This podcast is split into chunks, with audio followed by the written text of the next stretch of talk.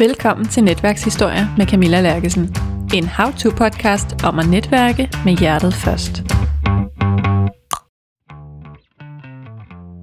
I tirsdags der talte vi om praktik som en måde at netværke på, og en måde at få job på, en måde at lære nye brancher at kende på. Og jeg har simpelthen fået så mange gode historier og øh, lavet nogle små mini-interviews sidenhen. Så dem vil jeg dele i dag.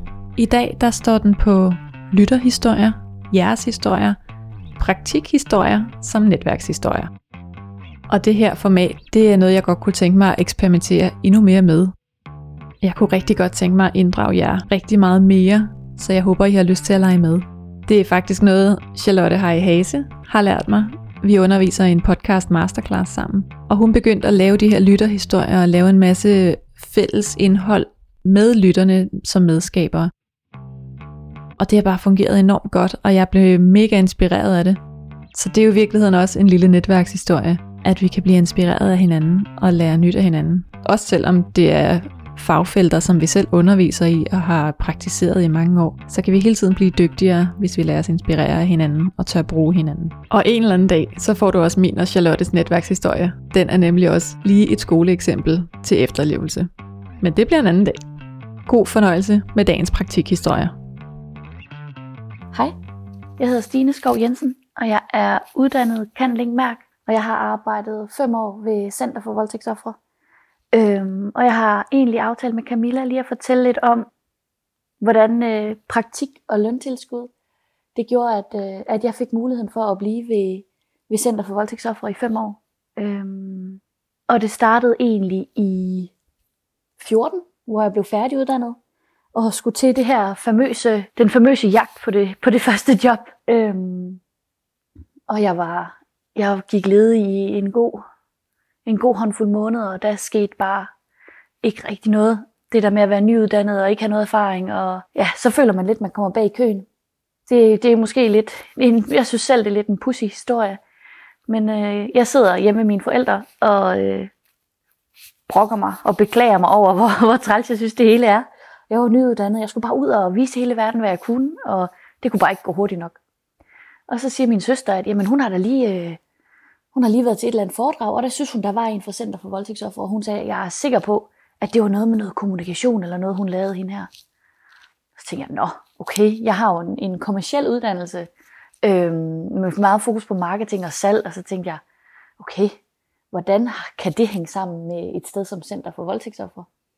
Så jeg skrev en, en mail til Sara, hedder hun. Egentlig ikke, ikke, ikke fordi jeg var på udkig efter et, øh, et, et job, eller det var i hvert fald ikke min hensigt med mailen, men jeg skrev til hende og fortalte, at jeg øh, havde hørt om stedet og var interesseret i, hvordan de arbejdede med kommunikation og formidling. Øhm, fordi det måtte jo have et, et helt andet perspektiv, end, end den kommercielle, jeg kom fra. Øhm, og så spurgte jeg, om hun, hun kunne tænke sig at dele ud af sin viden. Og det ville hun rigtig gerne. Og så mødtes vi til en kop te, og en helt uforpligtende snak om, hvor, hvor, hun, hvor hun fortalte, hvordan de øh, arbejdede med formidling dernede og kommunikation, og det her med de særlige sårbare målgrupper, og der skulle nedbrydes barriere, og det var om myter, og, og det var bare rigtig spændende. Og så slutter hun snakken af med at sige, at, at de har egentlig overvejet en i, i noget praktik og løntilskud, så hvis jeg havde lyst, så kunne jeg da lige skrive et par ord om mig selv og sende ned til hende. Og det havde jeg jo bestemt lyst til, så det gjorde jeg. Og så gik der et stykke tid, og jeg hørte egentlig ikke noget. Og så lige pludselig ringer jobcenteret en dag og siger, at nu er der slået den her stilling op ved Center for Voldtægtsoffre. Øh, den synes de lige, at skulle holde øje med. Og det, jeg vidste jo, der ville komme et land dernede fra, så jeg skyndte mig med det samme bare at ringe til Sara og sige, hey, du har vel ikke glemt mig? øh, og det havde hun ikke. Så der blev jeg kaldt til en, til en samtale, og så gik der kun et par timer. Så ringede de og sagde, at, øh, at de ville rigtig gerne have, at jeg kunne starte ned ved dem. Så det var jo, det var jo helt vildt fedt. Øh, så startede jeg i praktik, og efterfølgende løntilskud. Øh, men jeg fik også ret hurtigt at vide, at, at der jo ikke, der var ikke penge til at ansætte en, øh, en kommunikationsmedarbejder mere. Øh, det, det, det var der ikke, og mange af de penge, de fik ind, jamen dem fik de ind eksternt. Øh, så hvis de skulle have ekstra personale på, jamen så, øh, så var de nødt til at søge om det udefra. Øhm, og så fik jeg også at vide, at, at hvis jeg havde mod på det, så måtte jeg da gerne bruge noget tid på det, på det her fundraising, og, og se, om jeg kunne skaffe nogle penge. Og det tænker jeg, det skal, det skal man ikke sige til mig to gange. Så jeg gik selvfølgelig i gang med at lave en hel masse research på, hvad det her fundraising vil sige. Fordi hvis du inden, hvis du havde sagt fundraising til mig, så ville jeg have tænkt på Greenpeace, der står nede på gågaden. Og jeg tænkte, det, det, der må være en anden vej også. Og selvfølgelig var der jo det. Der er jo en masse fonde, der rigtig gerne vil støtte nogle rigtig gode projekter. Så jeg fandt et gammelt støvet øh, projekt, der lugtede lidt af kommunikation. Øh, og fik det skrevet om, og fik det opdateret, og fik lavet nogle budgetter, der passede til. Og så begyndte jeg ellers bare at fundraise, og sende til de øh, målrette, til de forskellige fonder, og de krav, de havde. Og så bare øh, sende nogle ansøgninger ud. Og vi fik egentlig også ret hurtigt sådan nogle små bevillinger ind.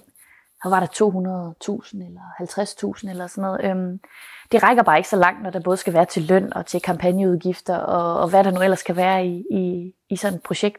Det jeg fundraisede til, det var et, et treårigt oplysningsprojekt, som skulle være landsdækkende. Øhm, så der skulle jo være der skulle jo være lidt af det hele i. Øhm, så vi havde jo brug for vi havde brug for nogle millioner. Og da jeg så havde været der et halvt år, så, øh, så var der ikke kommet no- særlig mange penge ind endnu. Sådan en fundraising-proces kan jo også tage noget tid, inden man har fået sendt ansøgning, inden fondene har afholdt deres bestyrelsesmøde, og måske lige besluttet, hvordan og hvorledes. Så var jeg så heldig, at deres sekretær dernede ved Center for Voldtægtsoffre skulle, øh, skulle have noget overlov. Så de spurgte, om jeg ville have en halv administrativ stilling, og så sidde og, og fortsætte med fundraising og noget kommunikation og sådan noget. Og det sagde jeg selvfølgelig ikke nej til.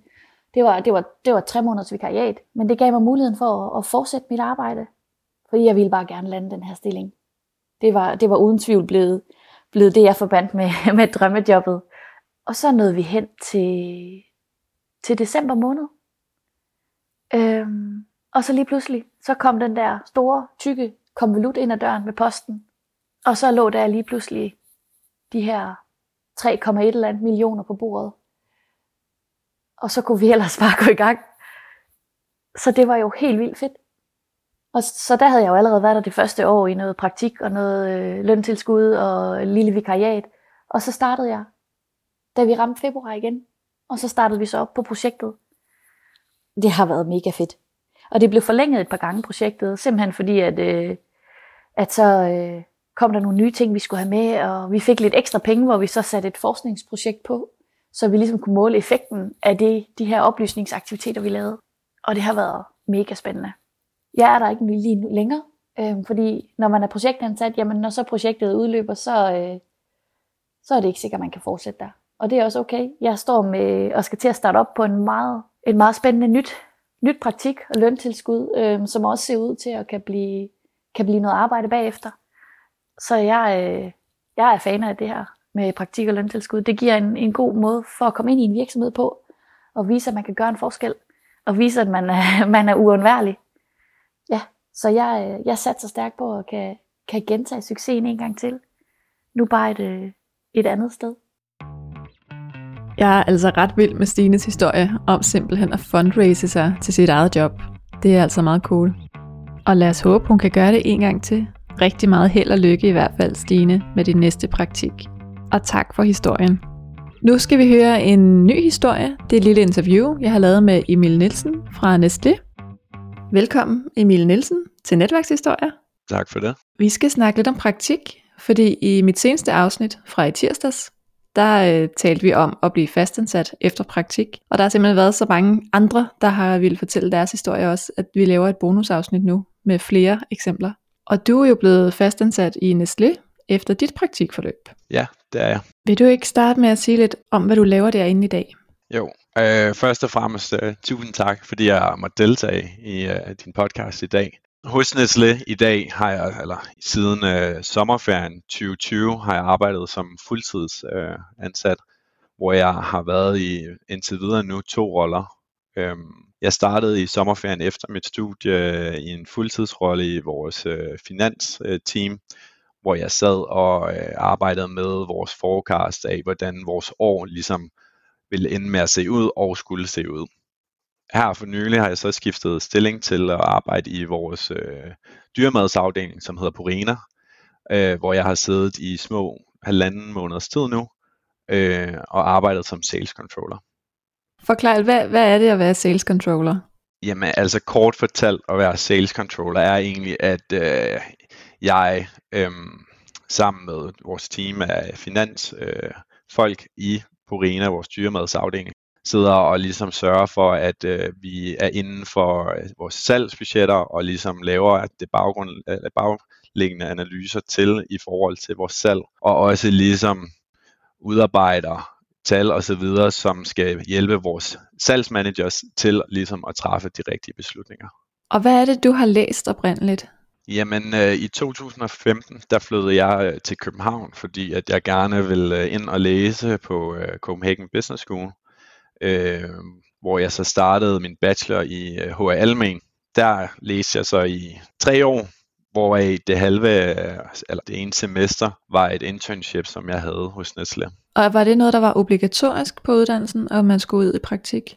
Nej, overhovedet ikke. Det var noget, jeg selv opsøgte, den her øh, praktikmulighed. Man havde muligheden for at kunne udskifte et semester enten med noget udveksling til udlandet, øh, eller også en, øh, et praktikophold, så at sige.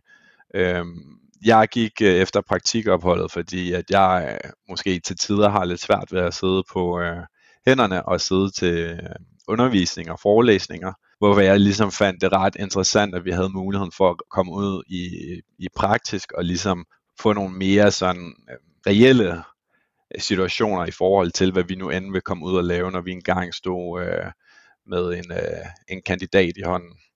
Mm. Så øh, jeg tog muligheden for at arbejde eller at tage praktikopholdet, hvor man så afslutningsvis lavede et, øh, et projekt ved omkring handlende øh, praktikforløbet. Havde du noget erhvervserfaring fra studiejob eller sådan noget fra før det? På derværende tidspunkt var det meget begrænset. Jeg, havde, jeg har altid arbejdet lidt ved siden øh, af øh, både gymnasie og øh, i starten af mit øh, bachelor, øh, min bachelor. Øhm, men for inden Nestle hvor mit, og min praktikplads havde jeg ikke rigtig noget reel arbejdserfaring. Om så virker det også oplagt. Helt bestemt, øh, fordi at det var også med tanke, og jeg tænker også rigtig mange begynder at få tankerne henad mod at skulle finde et mere studierelevant job, når de enten er i begyndelsen af deres øh, kandidat, eller også hen mod slutningen af deres bachelor, mm. hvilket også var passende for mit vedkommende, eftersom at vores øh, det her praktikforløb, det var på øh, femte semester, inden vi skulle tage i gang og skrive med vores bachelorprojekt. Ja, og hvordan endte du med at få lige præcis Nestlé? Altså var det noget, du søgte aktivt, eller hvordan fandt du dem? Jamen, egentlig har jeg fundet ud af efterfølgende, at Nestlé de søger aktivt øh, praktikanter, og ligesom aktivt søger at få unge ind i virksomheden. Men jeg øh, rakte ligesom ud til mit netværk, øh, og det var ikke med et øh, fokus på at skulle havne i Nestlé. Men jeg rakte ud i mit netværk, hvor jeg så øh, kom i kontakt med personer i Nestlé, som øh, hjalp mig til en samtale øh, i vores øh, chokolade- og fødevare-team, øh, brand-team, øh, med fokus faktisk på marketing i, ja, under praktikforløbet, hvor jeg så var heldig at få det. Nå, det er så lidt noget andet med market, eller det er ikke noget helt andet, men det, er det ikke alligevel en lidt anden genre, du startede i derinde? Jo, altså man kan sige, øh, og det er jo også måske kvæg netværk, der så er opbygget internt i Nestlé efterfølgende. Øh, men jeg har været lidt vidt omkring i Nestlé og siddet de forskellige roller, øh, som både inkluderer marketingroller, som mit øh, praktikforløb omhandlede, øh, og så har jeg været i vores salgsafdeling i Danmark, og øh, sidst øh, inden jeg nu er startet som salg eller sales controller i vores øh, dyremadsafdeling, så har jeg også siddet i vores økonomiafdeling med lidt tungere økonomiting. Okay. Og var det så også gennem praktik, du blev klogere på, hvad du gerne ville? Spørger jeg helt vildt ledende. ja, øh, jamen altså øh, gennem mit praktik, eller for inden øh, praktikken, havde jeg altid en idé om, at øh, jeg skulle øh, i marketingvejen, så at sige. Øh, der måtte gerne være nogle tal og sådan noget i, for jeg har egentlig altid været glad for at arbejde med tal og for matematik og så videre, men jeg har aldrig været sådan helt tungt fokuseret på det. Så jeg troede egentlig, at jeg skulle ind i en marketingsrolle og også være, have min kreative side frem, hvis man kan sige det sådan. Da jeg så kommer i det her praktikforløb, og det er også noget, når jeg ser tilbage, er noget jeg er super glad for, så øh, fandt jeg ligesom ud af, at det var ikke nødvendigvis marketing, jeg skulle arbejde med. Det blev ligesom for, ikke at det blev for fjern fra tallene, men der er bare ikke nok tal involveret, så at sige, og nok økonomi og nok analyse i form af analyse af tal. Så øh, der fandt jeg så ud af løbende, at jeg skulle længere og længere over mod en reel øh, økonomirolle, hvor jeg så også kan sige, at jeg er endt i dag, øh, hvilket jeg er rigtig glad for. Mm. Og jeg kan jo godt lide i det her program at gå sådan meget, øh, altså meget ned i, hvad var det helt konkret, der skete. Fordi netværk, det nogle gange kan blive sådan lidt diffust, at folk siger, så brugte jeg mit netværk, og så skete der det her. Ja. Hvor var det, du ragt ud i sin tid? Jamen i sen tid, der øh, har jeg rækket ud, for inden praktikpladsen har jeg rækket ud til venner og familie, som jeg vidste måske kunne hjælpe mig i den rigtige retning. Og som jeg også vidste øh, måske også havde, eller var inden for de brancher, jeg gerne ville udforske i Københavnsområdet. Det resulterede så i, øh, at jeg så kom jeg til den samtale, som jeg nævnte tidligere. Øh, men efter det, Øhm, det kan måske godt lyde lidt svært som udefra stående, men Nestlé er en rigtig stor organisation, lige så vel som mange andre virksomheder i København. Og der ved alle og enhver ikke nødvendigvis, hvem du er og hvad du laver. Så efterfølgende har det også været vigtigt for mig ligesom at, at have gode relationer internt i Nestlé, for at ligesom kunne i mit tilfælde har jeg jo rykket lidt rundt i forskellige afdelinger, og også i forskellige brancher, forstået på den måde, at jeg først var i marketing, og nu er endt over en mere finansieringsrolle, men ligesom har gjort, at jeg ligesom har kunne shuffle lidt rundt i øh, arbejdspladser inden i Nestlé også. Ja. Hvordan har du sørget for at holde det her interne netværk ved lige og få det skabt? Jamen, det interne netværk, jeg tror, for uden at ligesom, eller det vigtigste af alt er jo altid, at man er aktiv og, og søger det, og man ligesom har et åbent sind også. Øh, fordi jeg tror også, i en alder, som jeg havde, og det er et sted, jeg var i livet i form af, at jeg læste min bachelor, og sidenhen min øh, kandidat, gjorde ligesom også, at jeg ikke nødvendigvis 100% vidste, hvad det var, jeg ville, og det tror jeg, der er rigtig mange, der kan genkende til. Der var ligesom ved at have et åbent sind omkring, de ting, der nu foregår omkring dig, gør også, at du ligesom har mulighed, eller ligesom er åben over for at prøve også noget, der måske nødvendigvis ikke lige er 100% det, du vil, men kan ligesom være en pejlemærker og noget, der ligesom kan guide dig som nogle bander på en bowlingbane henad, hvor du nu end skal ende en dag. Og det er lidt ligesom det, jeg har følt øh, har været min rejse internt Nestle, at jeg har prøvet lidt forskelligt af inden for de her bander, og jeg har haft en eller anden øh, idé om, hvad det er, jeg reelt vil. Den er så ændret løbende, men jeg føler så alligevel, at de her bander ligesom har skubbet mig rette vej. Vi har jo også rigtig mange sådan sociale arrangementer. Det havde vi for inden corona, nu er det mere online, det sker. Mm. Øh, men ligesom at snakke med folk omkring dig, og folk, der arbejder omkring dig, og det behøver ikke nødvendigvis kun at være dit eget team, men også i andre teams, og det kan ske i som nogle frokost-dates, øh, man kører internt øh, med øh, forskellige afdelinger, som du måske er nysgerrig på.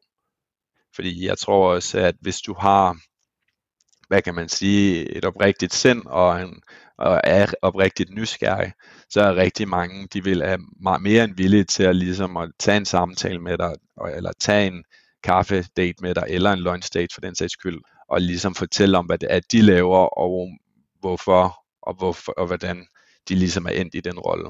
Ja, ja helt klart. Og jeg kender også Martin Broberg, som er kommunikationschef inde hos jer. Ja. Og det var faktisk lidt det samme, ikke? At, at jeg var studerende, da jeg lærte ham at kende, og vi skrev på LinkedIn. Og jeg fik sagt noget med, at jeg var for introvert til at være journalist. Mm. Og han sagde, pjat med dig, der er ikke noget, der hedder for introvert til at være. Og så sagde han, kom du herud og se, hvordan en introvert kommunikationschef arbejder. Ja selvom jeg ikke er i Nestlé-virksomheden, så er det bare meget samme ånd, hører jeg. Det her med lige at tage nogen under vingerne og sige, lad os erfaringsudveksle, eller kom herud og spis frokost, så taler vi lige om det. Lige præcis, og øh, altså, nu nævner du det her konkrete tilfælde med Martin, som du har mødt ude fra Nestlé af, og ligesom også har inviteret dig in-house og vist dig rundt. Og det er noget, jeg ved er sket flere gange, øh, ikke kun med Martin, men også med forskellige, hvor folk ligesom har en interesse og er nysgerrig omkring, hvad er det egentlig, der sker derinde, og hvad er det egentlig, der laver, og måske er i tvivl om karrieremæssigt, hvad det er, de vil, og hvad det er, de vil opnå. Men hvis du er oprigtigt nysgerrig, så er folk mere end villige til at hjælpe dig i rette vej. Mm. I sidste afsnit, da vi talte om praktik, der talte vi om, at det tit er sådan ret, altså det er jo tit første oplevelse af at være på sådan en rigtig arbejdsplads, voksenjob. Hvordan var det for dig at komme ud i så stor en virksomhed og være i praktik? Jamen, øh, jeg synes egentlig, at det har været en rigtig skøn oplevelse. Øhm, jeg kom ind i et rigtig, rigtig godt team med rigtig, rigtig godt sammenhold, øh, både øh, på arbejdspladsen, men også uden for arbejdspladsen. Øhm, og jeg følte også det her med at komme i praktik. Øh, selvfølgelig er det ikke alle praktikpladser, som er lige netop sådan, som jeg har oplevet det. Men jeg følte virkelig, at jeg fik lov til, altså at jeg blev taget seriøst, og at de opgaver, jeg fik tilegnet mig, var ikke bare at skulle hente kaffe, eller hvad man kan sige, som sådan lidt af skrækscenariet, tror jeg, alle vil kunne forestille sig omkring en praktikplads. Men jeg fik konkrete opgaver og konkrete ting, jeg skulle gøre, og konkrete fremlæggelser for.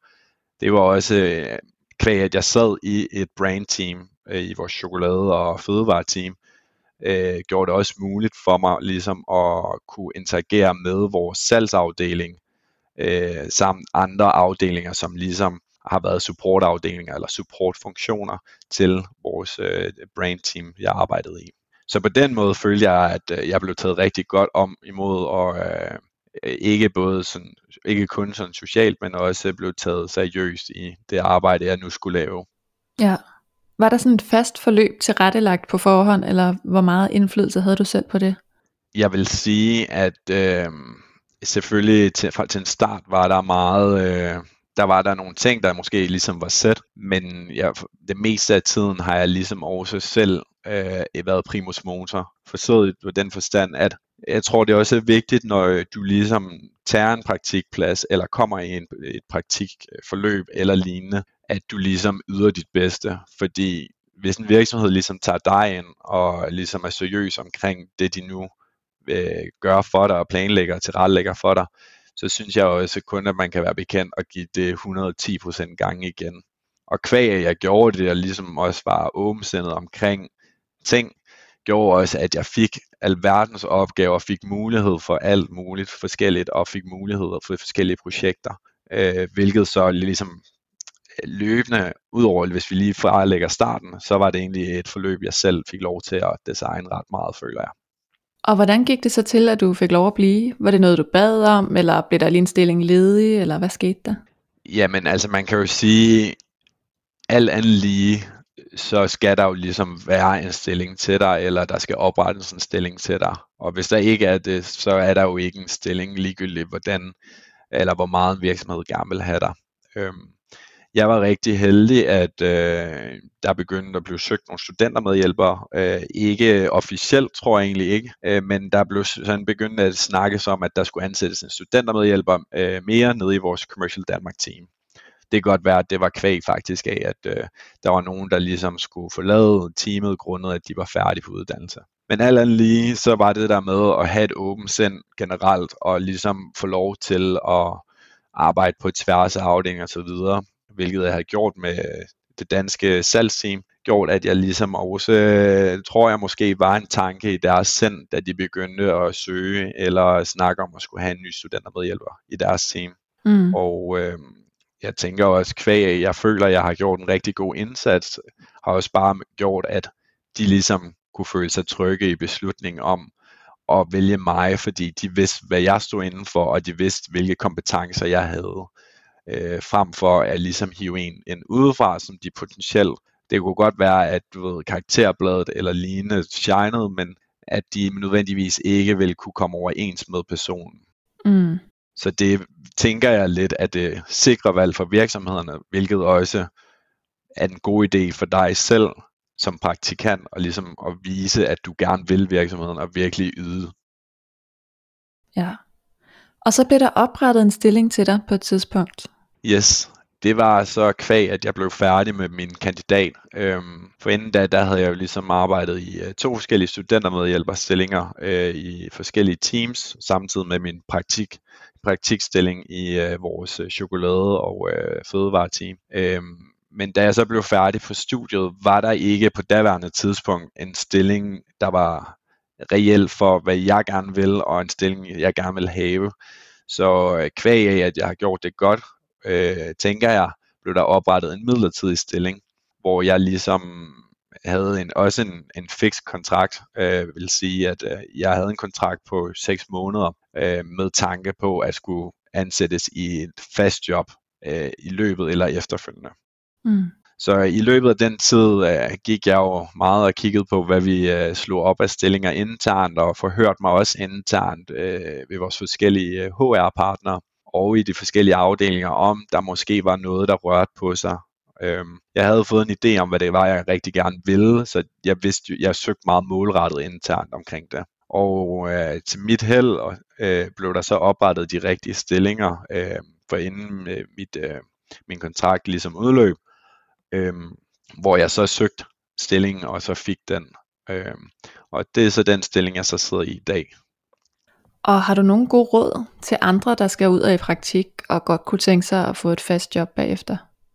Ja, jeg tror faktisk, jeg har været lidt inde på det. Øh, men jeg tænker helt sikkert, at hvis du rigtig gerne vil i praktik, så skal du egentlig bare have et åbent sind omkring og ligesom gå til folk, øh, opsøge folk. Det kan være på LinkedIn, hvor du bare uaffordret skriver til personer, fordi du finder branchen eller virksomheden interessant, og at øh, de har lyst til bare at fortælle lidt, eller måske øh, har du set, at de har nogle stillinger slået op, og du gerne kunne tænke dig at høre mere omkring det.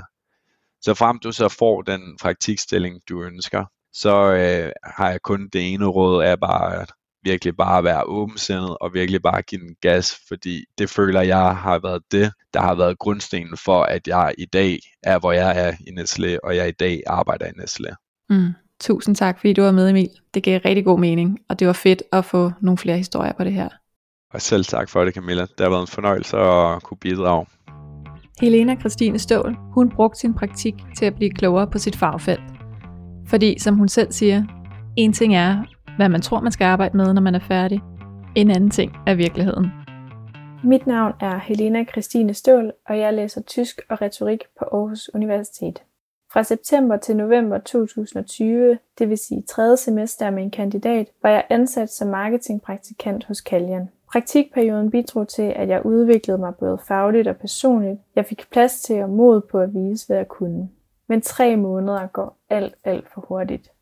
Jeg vil gerne styrke og opnå endnu flere kompetencer, og det fik jeg heldigvis lov til. Fra 1. december 2020 blev jeg tilbudt en studentermedhjælperstilling, som jeg takkede ja til efter en kort tænkepause. Ja, der var ikke så meget at tænke over. Virksomheden stod netop og manglede en, som kunne varetage deres tyske content, og det havde jeg bevist, at jeg kunne. Min nærmeste chef tilbød mig stilling med den begrundelse, at jeg blandt andet havde udvist et stort gå på mod og jeg tog ansvar og del i opgaverne, også selvom jeg bare var i praktik. Samtidig havde og har jeg også i dag en god fornemmelse, når jeg træder ind ad døren hos Kaljan. Det at befinde sig godt må alligevel være det altafgørende. Og det må også være et godt råd til en kommende praktikant. Du skal føle dig godt tilpas. Samtidig vil jeg sige, at du får mest ud af din praktik ved bare at prøve dig frem. Vis hvad du kan, kast dig ud i det uvante og tag ansvar for det du laver. Hvad både praktik og studenter med hjælp og stilling kan føre med sig, det ved jeg endnu ikke. Men om ikke andet er jeg blevet bevidst om, hvad jeg godt kan lide at arbejde med, som også vil være et af formålene med at tage i praktik, hvis du spørger mig. En ting er nemlig, hvad man tænker, det indebærer at arbejde med, for eksempel marketing og kommunikation. En anden ting er, hvad det faktisk indebærer. Nu skal du møde Jonas Theis Jensen, der havde så gode erfaringer med sin egen praktik og fik så meget ud af det, at han senere i sin karriere blev praktikansvarlig på sin arbejdsplads, og siden har engageret sig i studerende og nye talenter og gør, hvad han kan for at hjælpe dem på vej. Jeg hedder Jonas Theis Jensen, og jeg vil gerne dele min erfaring om det at være praktikant øh, og så gå til fuldtid. Hvis jeg har været i praktik to gange, den ene under mit bachelorforløb og, og den anden under mit, øh, min kandidatuddannelse. Øh, jeg er uddannet Kant Link Mærk fra Aarhus BSS. Øh, jeg har en kandidatgrad i Corporate Communication. Øhm, og øh, tilbage på bacheloren, der startede min, min rejse egentlig rent praktikmæssigt. Jeg var i praktik hos øh, Bang Olufsen, i PR kommunikationsafdelingen. Og øh, der lærte jeg en masse omkring, øh, hvordan det vil sige at være del af en, af en international organisation, en del af et anerkendt eksklusivt brand, og hvordan det ligesom bare, man skulle have respekt for den røde tråd og, og brandets fortælling, og hvordan man sammensætter en god fortælling osv. Jeg fandt også ud af, at, at, at PR-kommunikation måske ikke var, var den vej, som jeg gerne ville gå, og gerne ville investere mere tid i, selvom det var utrolig interessant og, og meget lærerigt. Jeg vil gerne prøve at være med til at forme noget, og øh, gøre det via nogle digitale kanaler, noget kommersielt, hvor der er lidt mere kommersiel indvirkning endnu. Jeg vidste ikke helt, hvad det var endnu, men øh, da jeg kom på kandidaten, der øh, havde jeg i mellemtiden været med i nogle forskellige startups, og jeg havde prøvet øh, nogle andre studiejobs inden for marketing og kommunikation. Og jeg havde stadigvæk ikke helt fundet den hylde, jeg skulle være på, men jeg var blevet lidt skarpere på, at jeg godt kunne tænke mig at være inden for, for noget med, øh, med noget digitalt eller kommersielt. Måske endda noget digital markedsføring. Og vi kommer så til tredje semester på kandidaten. Det er så her, at vi bliver spurgt om, om vi gerne vil øh, specialisere os, øh, eller om vi gerne vil i praktik. Jeg vil klart gerne i praktik, og det vil dem, som var i min omgangskreds på studiet også gerne. Og vi kom så Øh, hen til det her øh, ungkom praktikbar, havde læst noget omkring de virksomheder, der kom før det. Og det var så her, min første interaktion med bureauverdenen var. For der var rigtig mange borgere. Og jeg vidste ikke rigtig, hvad det vil sige at være på bureau. Jeg synes, det var super spændende. Der var alle de her virksomheder, hvor der var rigtig mange unge samlet, og man kunne få lov til at få en større snitflade og større ansvarsområde, og og de egentlig beskæftigede sig udelukkende med det kreative, og andre kun med performance-delen, altså simpelthen de digitale markedsvertikaler, og andre var sådan lidt en, en blanding af det hele. Og øh, jeg satte mig sådan noget sammen med, med dem, der hed Vision, og øh, og endte med at tale med dem, og øh, synes, det var super spændende. Øh, det var en, en, en rolle, en lidt mere generalist rolle, så det vil sige nogen, der beskæftigede sig øh, lidt mere på tværs. Altså de, de, de har, havde ikke noget speciale som sådan, men, men altså ikke nogen specialist øh, af lægen så op af, men, men det var sådan lidt mere en, øh, du får lov til at og være med til at sammensætte nogle strategier og, og være med indover og, og sådan Altså det var super spændende. Jeg gik derfra, så tænkte jeg bare, ej, det vil jeg gerne. Fordi at noget af det, som jeg ligesom havde forsøgt op til nu, altså på tredje semester på studiet, øh, på kandidaten, rettere sagt, jamen det var at, at skabe en profil, der ligesom symboliserede, at jeg gerne ville noget mere at jeg gerne vil engagere mig, jeg gerne vil bruge tiden ved siden af studiet, og, og for mig, jeg, jeg vil gerne gøre alt, hvad jeg kunne, i virkeligheden ligesom så mange andre, for at fortælle den virksomhed, øh, som jeg, eller de virksomheder, som jeg nu søgte ved, når man nu var færdig, at hey, I skal vælge mig frem for alle de andre, på grund af, at X, Y, Z, og så kan man selv indsætte øh, årsagerne øh, der.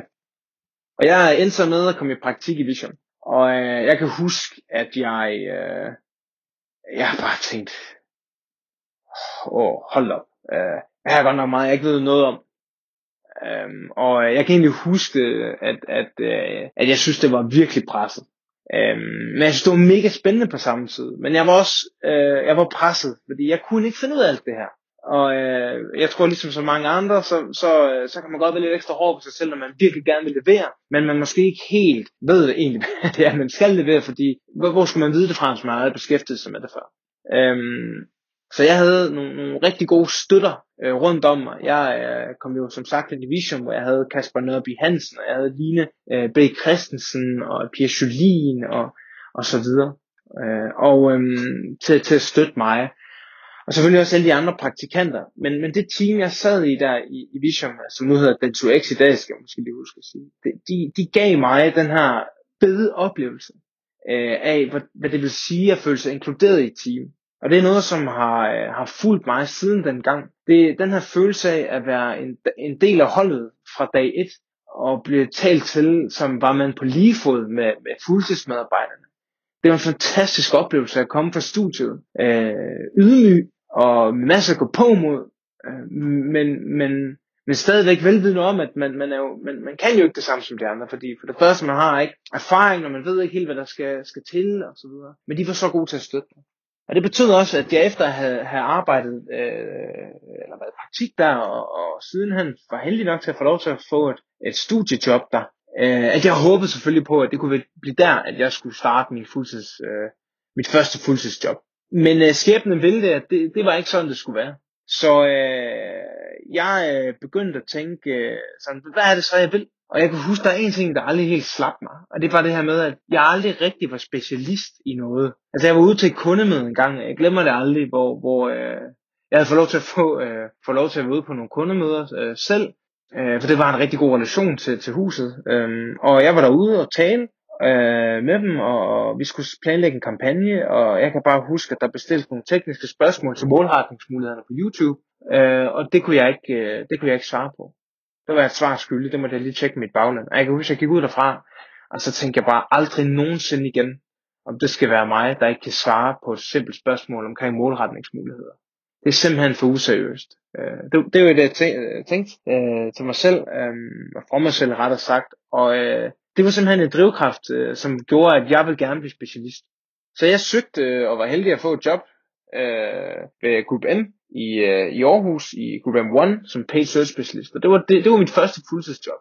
Og øh, jeg kan huske, at jeg kom ind med, med en masse iver, og, og det jeg egentlig, det jeg egentlig var hæftede mig allermest ved, jeg tog med mig fra min praktikperiode, det var det her med, hvor vigtigt det er øh, at sørge for, at, at man kommer godt fra start, og at, at der er nogle rammer omkring en, og der er et program, og der er øh, en masse ting. Så det vil jeg gerne være med til at sætte mit præg på School One. Og det ændres med, at jeg blev praktikansvarlig for specialistenheden i Aarhus. Øh, og, øh, og, og det fortsatte egentlig. Så da jeg skiftede til S360, øh, og, og så var jeg også meget engageret i talenter, studerende, praktikanter, uanset om du er fra erhvervsakademiet, eller om du er fra uni, I don't care, øhm, det er personen, der er spændende. Og jeg, jeg kan huske, at en af de ting, som, som der stod meget klart i rendring for mig, det var det her, som jeg også nævnte tidligere med, at jamen, jeg vidste ikke rigtig, hvad der var op og ned. Altså, jeg, jeg kendte ikke noget til digital marketing, sammen rigtigt.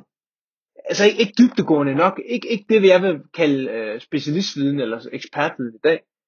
Øh, men, men det kom jeg til, og, øh, og, og den oplevelse, jeg havde med, hvordan jeg blev taget imod i Vision, den sidder fast ved mig, hver eneste gang det er, at vi får nye praktikanter. Hver eneste gang det er, at, at vi, øh, eller jeg er med til at ovenborde nogen, så tænker jeg på, hvordan var det, jeg selv øh, sad og tænkte øh, og følte, da det var mig, der var ny, helt dukfrisk. Og jo, jo længere tid der går, jo sværere bliver det måske lidt at huske helt nøjagtigt, men der er bare nogle ting, jeg aldrig vil glemme. Og øh, jeg tror, hvis jeg skal opsummere det, som jeg lærte, og det, som jeg bruger også i dag i mit virke hos S360, som jeg, hvor, hvor jeg nu sidder som senior manager i consulting, det vil sige, at jeg arbejder med digital strategi til daglig, øh, sammensætter øh, strategier øh, til eksisterende kunder, men, men pitcher også på, på øh, nye potentielle kunder, jamen det er, at, at prøv at høre, om man kan det eller ej til at starte med.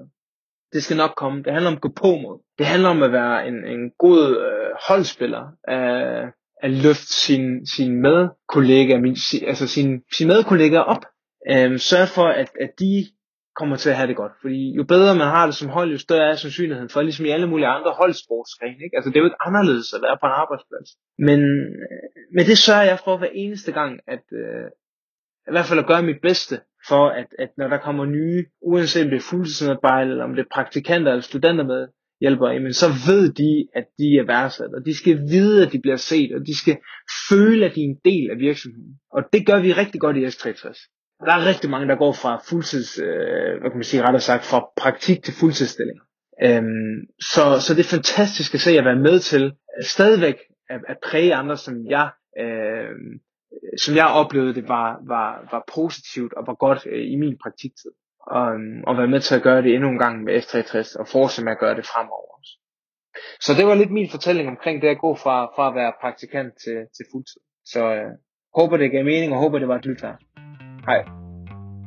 Nu skal du møde Line Brikling, der havde en del praktik mellem to praktiksteder, fordi så kunne de dele hendes løn til praktik.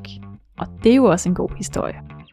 Jeg har jo læst øh, kommunikation på øh, Journalisthøjskolen, øhm, mm. og på den uddannelse, der har vi to praktikker af et halvt års varighed hver. Øhm, så øh, den, den første praktik, jeg havde, det var på et øh, kommunikationsbyrå, der hedder Gammelbys. Og øh, umiddelbart efter fik jeg lov til at fortsætte som øh, studentermedhjælper.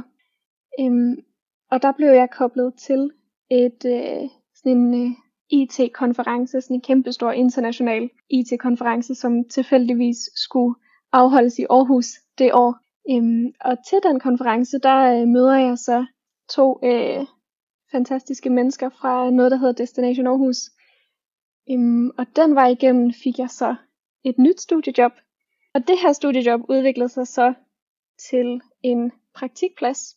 Øhm, men det er så nu, man skal holde tungen lige i munden, fordi den praktik, jeg skulle ind i her, nummer to praktik, den er lønnet.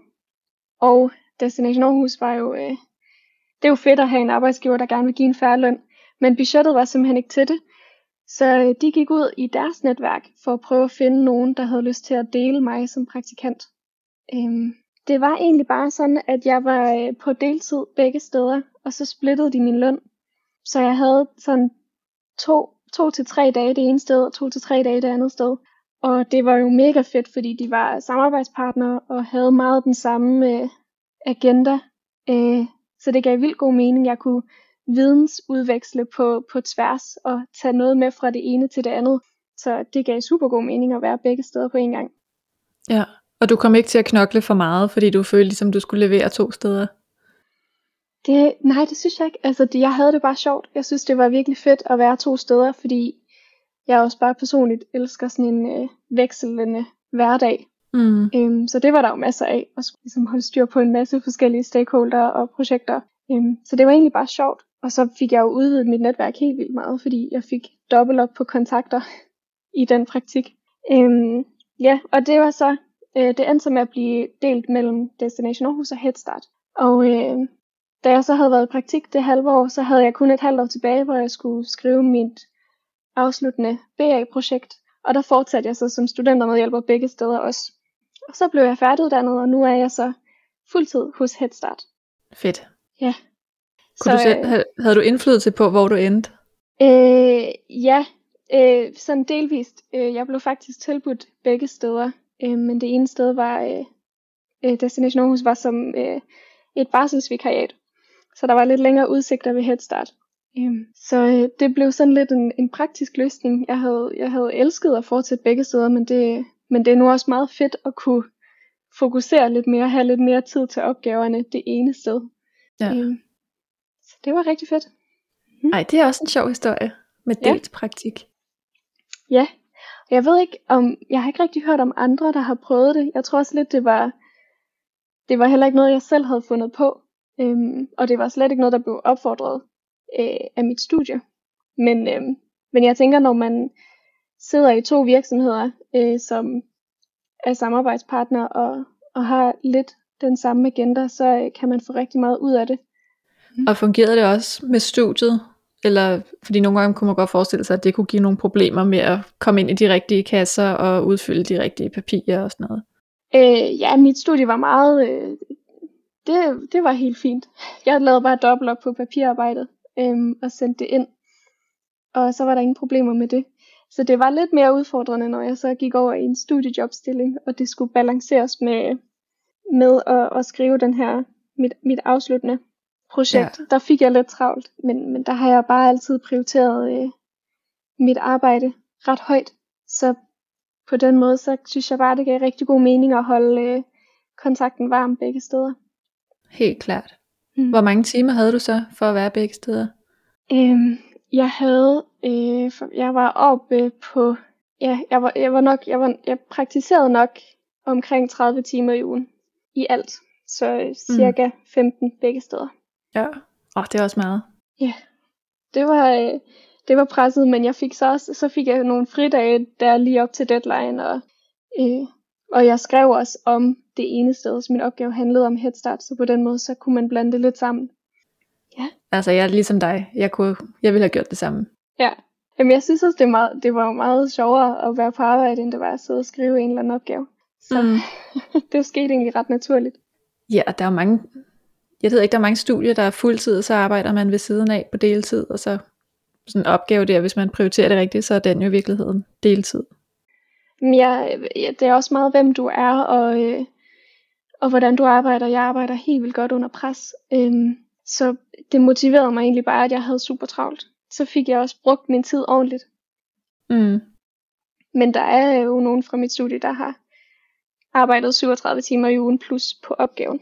Og så vendte den lidt på hovedet, taget pause fra studiejob eller andet. Men det, det tror jeg simpelthen ikke, jeg ville kunne holde ud. Især under corona, der var jo ikke noget andet at lave. Nå ja, nej, det er faktisk rigtigt. Mm. Det har sine fordele. Ja. Nå, ej, det er en fed historie. Den er jeg glad for, at jeg lige kunne få med. Selvfølgelig. Så er vi nået til dagens sidste praktikhistorie, og det er Mikkel Belling, der fortæller, hvordan han gik fra at være studiemedhjælper ved praktikant til en fast fuldtidsstilling i Lego. Hej alle sammen. Mit navn er Mikkel Belling, og jeg arbejder som IT-konsulent for Lego. Jeg er blevet spurgt her, om jeg kunne tænke mig at dele lidt om min rejse fra studiemedhjælper og praktikant til en fuldtidsstilling, hvilket jeg selvfølgelig gerne vil. Det hele starter egentlig tilbage i 2016, da jeg kom ind på min kandidat i Corporate Communication og godt kunne tænke mig et lidt mere studierelevant job. Jeg kigger ligesom i første omgang hos nogle af de store. Øh, Lego er en af dem, der ligesom faldt mig let til minde, simpelthen fordi jeg altid har været kæmpe fan af Lego. Jeg øh, synes, det er et ekstremt fedt produkt, de har, og blandet med, at det er en stor dansk virksomhed, det betød jo, at det var en af de første valg, jeg, jeg gik efter. Jeg kiggede ligesom på de stillinger, de havde. Øhm, jeg har personligt selv arbejdet meget med IT før, og haft en stor interesse for IT, men det var selvfølgelig ikke lige præcis det, jeg studerede. Så jeg var lidt påpasselig, om jeg skulle søge det eller ej. Men øhm, jeg valgte så at søge job, og det viste sig at være en kæmpe fejltagelse. Det var virkelig ikke noget kemi, det var ikke noget, jeg egentlig havde lyst til at lave, og de synes heller ikke, at jeg passede til profilen. Øhm, så det blev selvfølgelig et, et stort rungende nej, hvilket øh, var ærgerligt for mig, jeg håbede lige, at jeg kunne komme ind i virksomheden, men jeg vidste egentlig også godt, det var egentlig ikke lige det, jeg havde lyst til at lave. Heldigvis har Lego en forholdsvis øhm, jeg kan sige, udførlig rekrutteringsproces, så øh, rekrutter, øh, recruiteren ringede til mig et par dage efter, for ligesom at tage en sam- samtale om, hvordan det var gået til samtalen, og hvad jeg havde gjort godt, og hvad jeg havde gjort dårligt. Og der nævner hun så, at hun synes egentlig, at de kompetencer, jeg havde, var, var gode i nogle andre stillinger, hvor hun så nævnte en, som hun så spurgte, om hun måtte lægge min ansøgning i puljen til. Og det måtte hun selvfølgelig godt. Det var jeg da ellevild med, at at hun ligesom kunne se potentialet, øh, og jeg så stadig havde en mulighed for at kunne komme ind, øh, få foden ind ad døren hos Lego. Der gik ikke mere end et par dage, så tror jeg, jeg blev kaldt til samtale.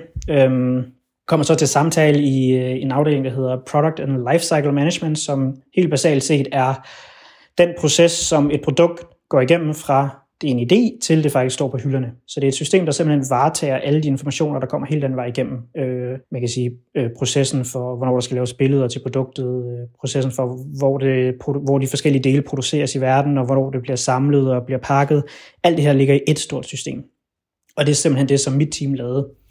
Og der søgte en, som havde sådan lidt en øh, IT-faglig baggrund, simpelthen forstod IT og forstod, hvad, hvilken størrelse det var men som også havde en kommunikationsprofil, fordi de rigtig gerne ville have sådan et, en front-facing figur ud til deres kunder.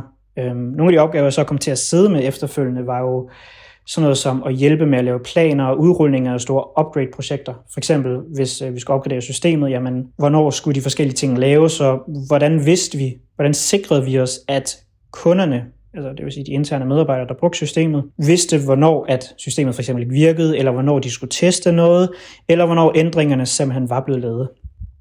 Så det var nogle af de ting, jeg sad med. Øhm, generelt set havde jeg sådan en stor berøringsflade ude i virksomheden, fordi der var så mange mennesker, der ligesom var involveret i det her system. Så på den måde øhm, lærte jeg ligesom mange mennesker at kende. Da jeg det så kom til, øh, man kan sige, hvad det var, tredje semester, og jeg så skulle øh, i praktik på kandidaten, der begynder man ligesom at tænke, jamen skal man prøve noget andet, eller skal man prøve ligesom at blive de omgivelser, man kender, men så lige spejse det lidt op med man kan sige en anden afdeling eller noget ny viden, hvilket var også noget, jeg luftede for min chef. Og han sagde, jamen altså, du kan gøre, hvad du vil, øh, men han ville gerne hjælpe mig med at få øh, noget, som lidt spillede ind til det, jeg lavede nu, men som havde lidt andet tæk på det. Så han gik så til øh, forretningssiden af det IT-system, vi sidder i, og spurgte, om de kunne tænke sig at bruge mig lidt som sådan en dobbeltagent. Sådan, så jeg kommer fra IT-siden og ved, hvad der sker på IT-siden, men kunne så også hjælpe dem, og omvendt, de kunne give mig feedback, jeg kunne tage med til mit, man kan sige, studiemedhjælperjob, hvor vi så ligesom kunne komplementere hinanden ved, at de har en, en udsendt for IT-afdelingen, som kan hjælpe med de ting, der skulle hjælpes med, og indsamle viden. Så det var jo i mit hoved en super god idé, fordi jeg fik simpelthen lov til at lave noget andet, men stadig med tanke på det, jeg kendte. Så øh, det gjorde jeg så, og der var jeg så tre dage om ugen øh, i forretningssiden, og to dage om ugen i IT-siden i et halvt år. Jamen, så øh, slutter praktikken. Det er helt fint. Og øh, jeg skal til at skrive mit speciale. Jeg skriver så selvfølgelig mit speciale med Lego, fordi nu er jeg åbenbart allerede så indoktrineret i, i Lego. Øh, og kunne egentlig også godt tænke mig at have et fuldtidsjob efterfølgende. Det, der så viser sig, det er, at øh, jeg er blevet hyret på et rigtig dårligt tidspunkt, hvor det, der ikke er lige så mange jobs i Lego. Så hverken min praktikplads eller mit studieplads havde åbne stillinger, og kunne ikke åbne nogen stillinger. Men min leder var heldigvis super støttende, og, og man kan sige, ville gøre, hvad han kunne for at beholde mig inden for Bixen, netop fordi jeg allerede havde brugt, hvad var det på det tidspunkt, næsten to og et halvt år, øh, og kendt mange mennesker, og kendt lige så mange processer og systemer. Øh, så det giver super god mening, at jeg ligesom skulle blive der. Øh, hvordan, det vidste vi ikke, så vi lavede lidt en plan om, at hvis jeg hørte noget, så skulle jeg sige til, og så kunne han hjælpe, og omvendt, hvis han hørte noget, så ville han spørge mig, om det var noget, han skulle prøve at hjælpe med. Det, det, det egentlig ender med, det er, at jeg hører ligesom øh, through the grapevine, at Øh, der er en åben stilling, som ikke er blevet slået op endnu. Og det lyder super spændende, fordi det er sådan en IT-konsulentrolle, hvor at man skal lave en masse IT, men du skal også øh, kunne præsentere det, du skal snakke med øh, management, du skal simpelthen bruge hele paletten, når det kommer til både kommunikationsevnerne, men også IT-evnerne. Så du skal kunne kommunikere IT på et menneskeligt niveau, hvilket var super, super attraktivt for mig. Min øh, leder, øh, man kan sige, vi snakker så meget om, øh, om jobbet, og en af de ting, jeg er lidt bekymret om, det er, at jeg faktisk har kompetencerne til det. Og der sagde han ligesom en ting til mig, som har hængt ved lige siden, og som jeg synes er et super godt take på rekruttering nu til dags. Det han simpelthen siger til mig, Mikkel, jeg ansætter ikke folk efter hvad der står på deres CV, eller hvilke certificeringer jeg har. Jeg ansætter et personlighed og to villighed til at lære.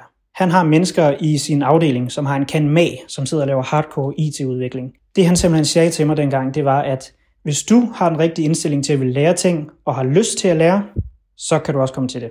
Så uanset hvad det er, de giver dig til, hvis du har nok mod på at, at hoppe ud i det, så skal det nok gå. Det er ikke alle, der har det sådan, men det var sådan, min leder havde det, og det var også sådan, han solgte mig ind til den afdeling, fordi ja, jeg havde ikke lige den rigtige uddannelse på CV'et, men min leder vidste, hvad jeg kunne. Han vidste, hvordan jeg havde det med at lære, og det var de ting, han solgte med ind, som så gjorde, at jeg kom til en samtale. Jeg var rigtig nervøs før samtalen, fordi igen, åh, jeg vidste godt, at jeg ikke var den optimale kandidat, men min leder havde ligesom åbnet vejen for mig. Øhm, jeg kommer så til samtalen og finder ud af, at vi er et supermatch. De ting, jeg skal lave, er de ting, jeg godt kan lide at lave, men det er også de ting, som man kan sige, jeg kender lidt til. Så jeg vil ikke starte fra nul, og jeg vil simpelthen kunne ligesom levere værdi fra start af, fordi der er sådan en intern ting i Lego, de siger, at jeg ved ikke, om det kun er Lego, men at lære en kultur, lære, hvordan måden fungerer på, lære ligesom også de her abbreviations og forkortelser, det kan godt tage op til 6 måneder. Så du leverer ikke værdi før efter et stykke tid. Men i og med, at du har været i virksomheden et stykke tid, så begynder du ligesom, så kan du ligesom samle op forholdsvis hurtigt, fordi du skal egentlig bare lære IT-systemet, du kender kulturen, du ved, hvordan du registrerer øh, fri, du ved, hvordan du søger efter feriepenge, alle de der ting kender du allerede, så du har ikke de problemer. Så øhm, det var også en af de ting, der var med til at, at sælge mig ind hos øh, vedkommende. Det var, at jeg kendte Lego, jeg vidste, hvilken størrelse det var, og øh, jeg kunne ligesom øh, bidrage fra the get-go. Jeg starter så af jobbet, og det viser sig, at det er et super fedt job. Det er så det samme job, jeg har i dag. Øh, blevet forfremmet en, en gang siden, men det er stadig øh, det samme job, jeg har uden de kompetencer, jeg egentlig burde have. Øhm, og alt det kan takkes ved, at jeg har været i Lego-virksomheden før. At jeg simpelthen kendte virksomheden, de kendte mig, og jeg havde en leder, som kunne hjælpe mig med at blive solgt ind til andre afdelinger. Øhm, det er helt klart en kæmpe stor force, når det kommer til at skulle have et job efterfølgende, fordi du har nogen, der kan snakke for dig. Hvis du kommer ud fra, har du kun et CV, og du har et smil, du kan vise på et billede.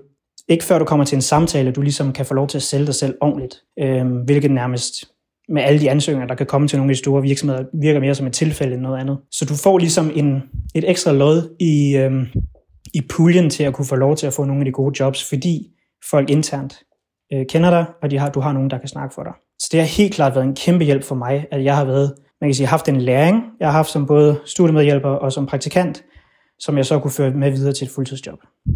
Så øh, det var min historie. Jeg håber, I kunne lide den. Øh, I er velkommen til at række ud, hvis I har nogle spørgsmål. Og ellers må I have en fantastisk dag. Det var alle praktikhistorierne for i dag. Lad mig endelig vide, hvad du synes om formatet med de her mange små fortællinger. Og skriv endelig til mig på LinkedIn, hvis du har nogle gode idéer til podcasten, eller selv vil være med en dag.